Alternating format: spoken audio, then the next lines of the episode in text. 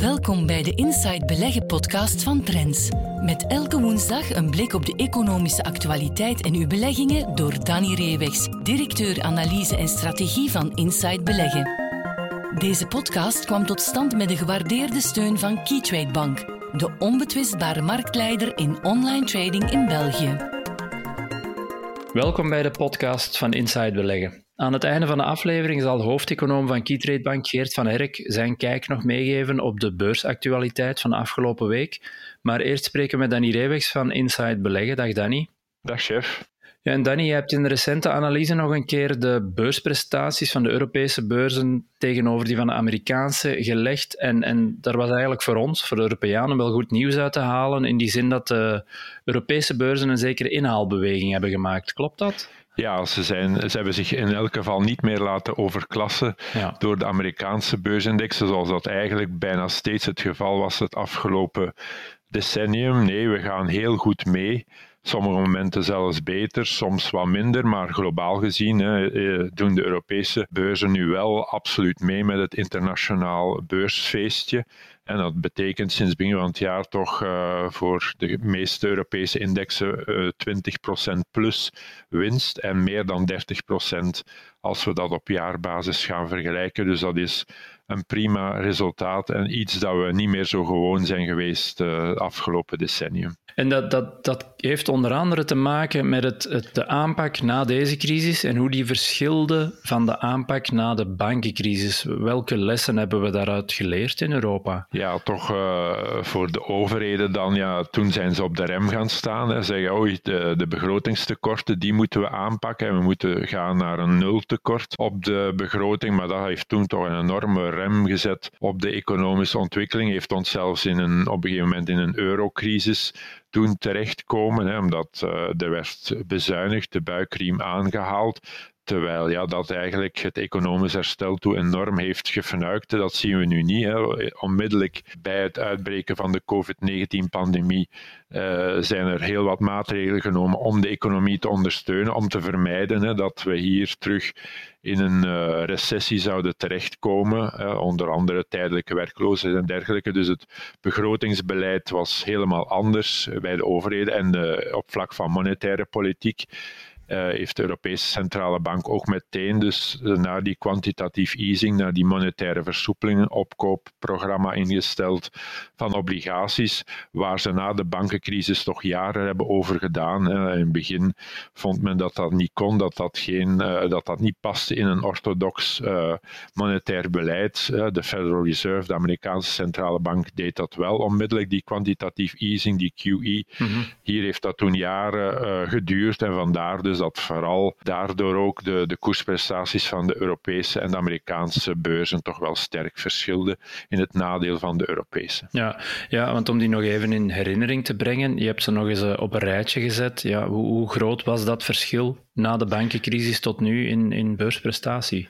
Ja, die, die, dat verschil was gigantisch. Ik heb zelfs gekeken dus op, op 20 jaar en, en dan zie je ja, dat die Eurostox 50-index eigenlijk nog amper gestegen is hè, door de, de diepe terugval na de, de bankencrisis. En dat gelukkig eh, er wel stevige dividenden zijn uitgekeerd, zodat er toch nog een return, een opbrengst, dus de optelsom van de evolutie van de index en de dividenden, is van 147 procent of 4,6 procent gemiddeld per jaar. Maar gezien dat we in die periode toch een structureel dalende rente hebben gekend, is dat toch op zich die 4,6 procent gemiddeld per jaar heel weinig. En dat heeft dan te maken dus met de zwakke uh, evolutie van de index zelf ja. ten opzichte van uh, bijvoorbeeld uh, de S&P 500, waar dus de 500 grootste Amerikaanse waarden in zitten. Die is 300 procent meer gestegen, dus die had wel 319 procent stijging op 20 jaar, ondanks de technologiebubbel die uiteengespat is, ondanks dus de, de bankencrisis die ook in Amerika toch wel uh, zware schade had toegebracht. En als we daar dan de dividenden bij rekenen, hebben we toch 522%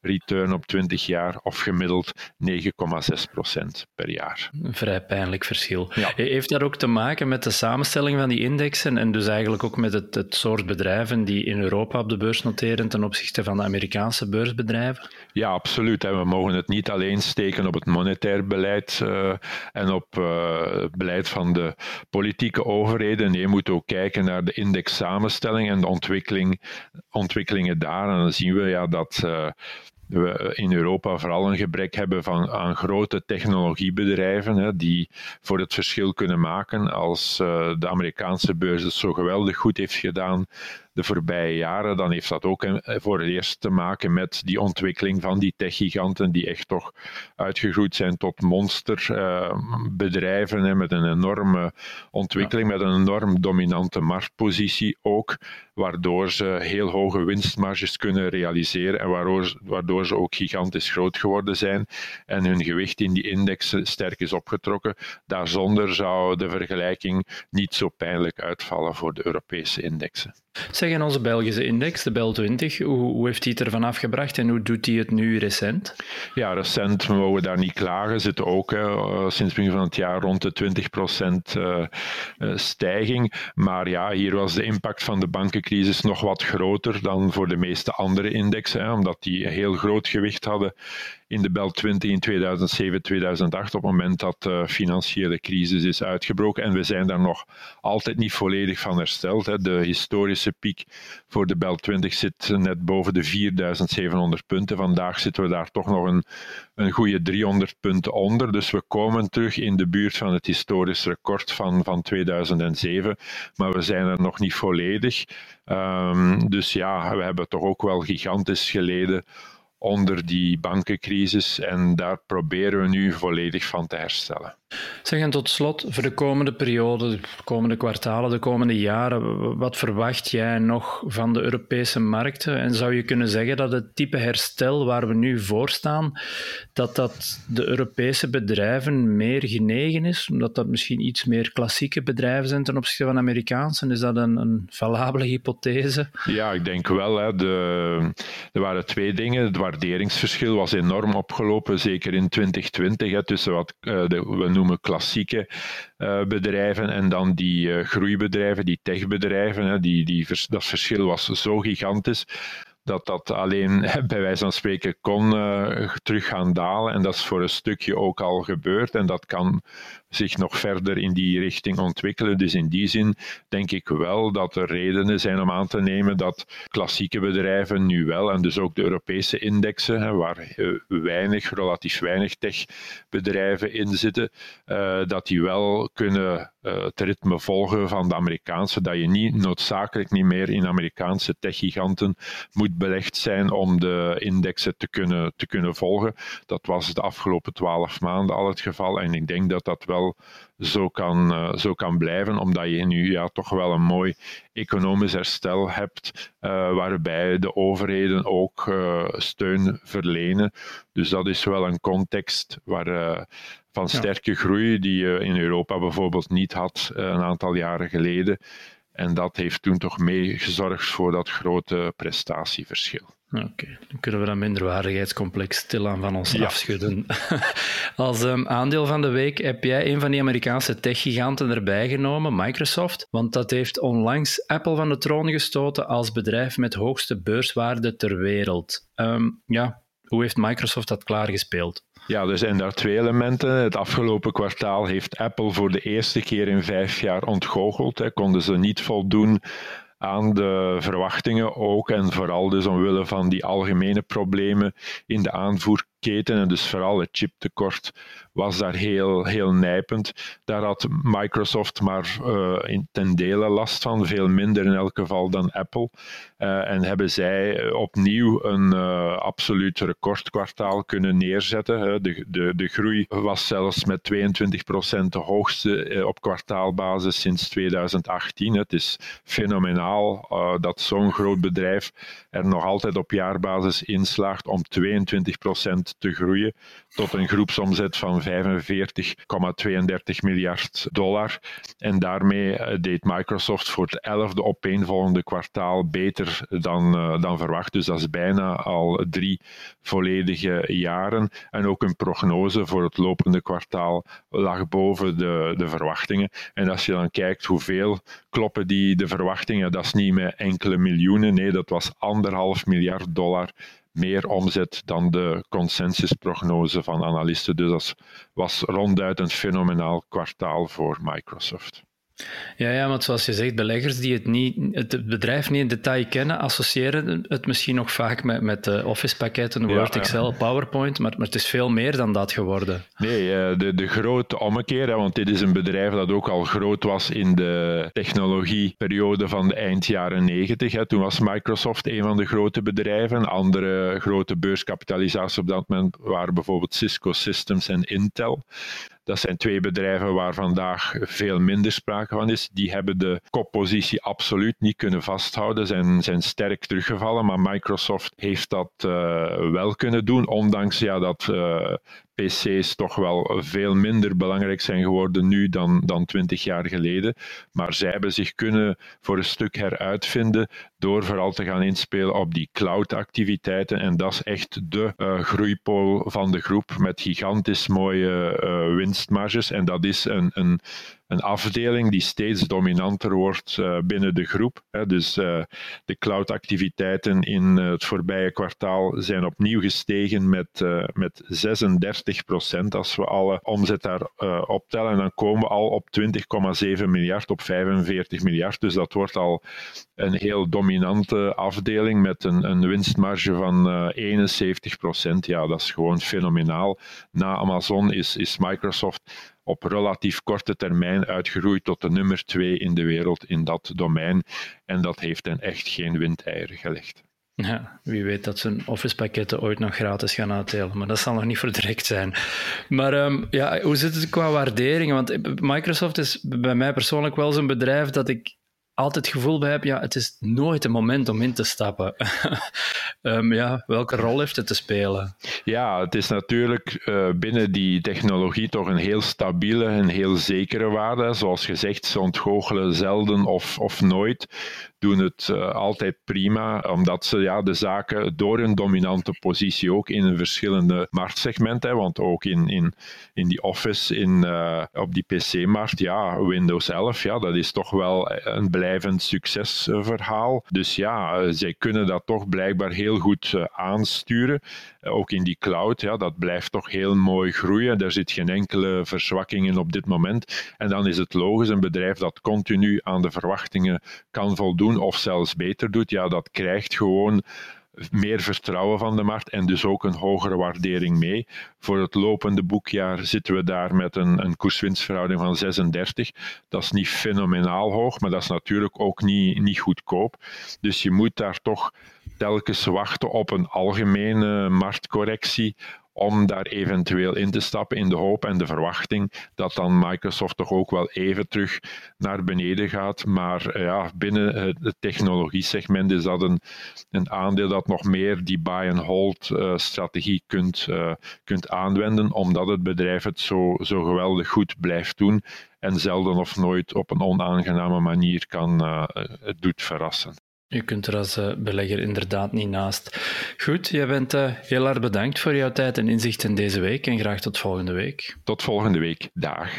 We luisteren nu naar Geert van Herk, Chief Economist van Keytrade Bank, met zijn analyse op een aspect van de economische actualiteit.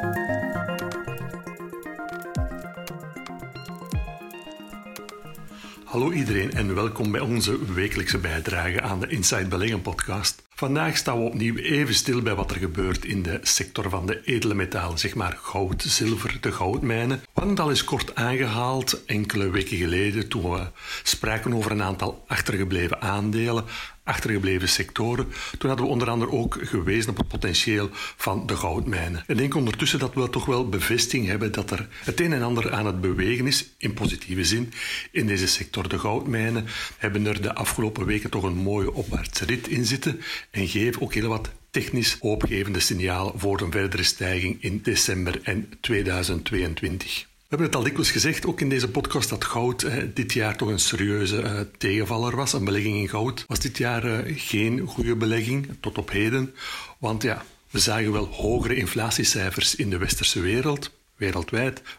Onder impuls van de gestegen grondstoffenprijzen zagen we overal een zeer, zeer sterke stijging van de inflatiecijfers. En ja, normalerwijze zou je dan toch verwachten dat goud, zilver, de edele metalen, dat die het in zulke omgeving toch zeer goed doen. Maar dat is niet gebeurd.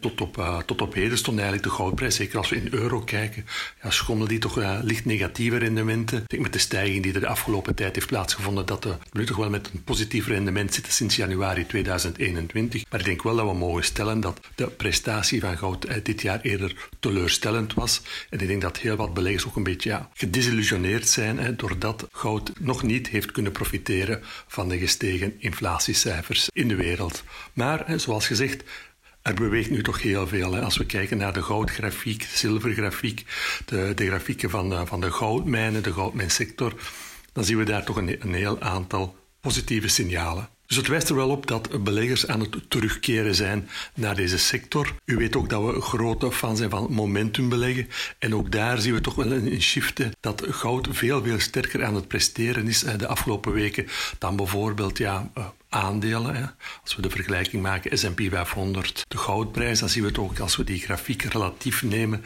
dat er een soort van knik optreedt. Afgelopen twee jaar ja, was je veel, veel beter met een belegging in de S&P 500. Maar nu zien we toch al een aantal dagen en weken dat die curve van richting aan het veranderen is.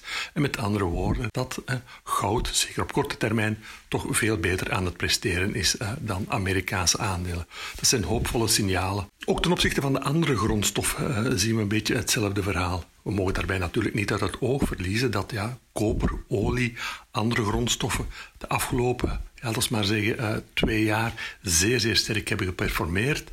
Uh, ze zijn nu een beetje aan een rustpauze toe. En daar kan natuurlijk ook uh, relatief gezien goud van profiteren door beter te gaan presteren dan die cyclische grondstoffen. Dus in een gediversifieerde portefeuille, stel dat je dit jaar toch een vrij grote blootstelling had, of iets meer dan gemiddeld aan grondstoffen, aan cyclische grondstoffen, dan is toch denk ik het moment aangebroken om dat uh, gewicht wat terug te brengen ten voordele van, van goud. Dus je kan vandaag de dag in een gediversifieerde portefeuille wel wat meer gewicht gaan toekennen uh, aan goud. En ja, het lijkt er misschien wel op. Hè. Dus 2021 was toch een beetje een tegenvallend jaar voor goud. We staan nu aan de vooravond van 2022. Uh, u weet ook dat ik er niet van houd van, ja, van voorspellingen te maken. Hè. Voorspellen is zeer moeilijk. Maar het zou toch wel eens kunnen dat in 2022 goud, zilver, de goudmijnen, dat die uh, mooie prestaties uh, kunnen neerzetten. Dus afrondend, ja, uh, kijk ook eens naar je portefeuille. Heb je de, vandaag de dag weinig blootstelling aan goud? Ja, lijkt het moment wel aangebroken om die blootstelling wat op te drijven de komende dagen. Dus het loont zeker de moeite om wat goud, zilver of goudmijnen te kopen en die in je portefeuille te stoppen. u weet dat we bij Keytrade ja, voorstander zijn van, van beleggingen in trekkers. Dus er bestaan op de Europese markt een aantal interessante trekkers uh, die inspelen op uh, een stijging van de goudprijs, die ook fysisch gedekt zijn door goudreserves in Londense kluizen. En ook voor de goudmijnsector vind je op de Europese markt wel trekkers die de populaire goudmijnindexen volgen. Dus doe er alvast uw voordeel mee. Tot zover deze aflevering van de Inside Beleggen podcast. Meer tips, advies en analyses voor uw beleggingen leest u morgen in Trends. Volgende week zijn we er opnieuw. Deze podcast kwam tot stand met de gewaardeerde steun van Keytrade Bank, de onbetwistbare marktleider in online trading in België.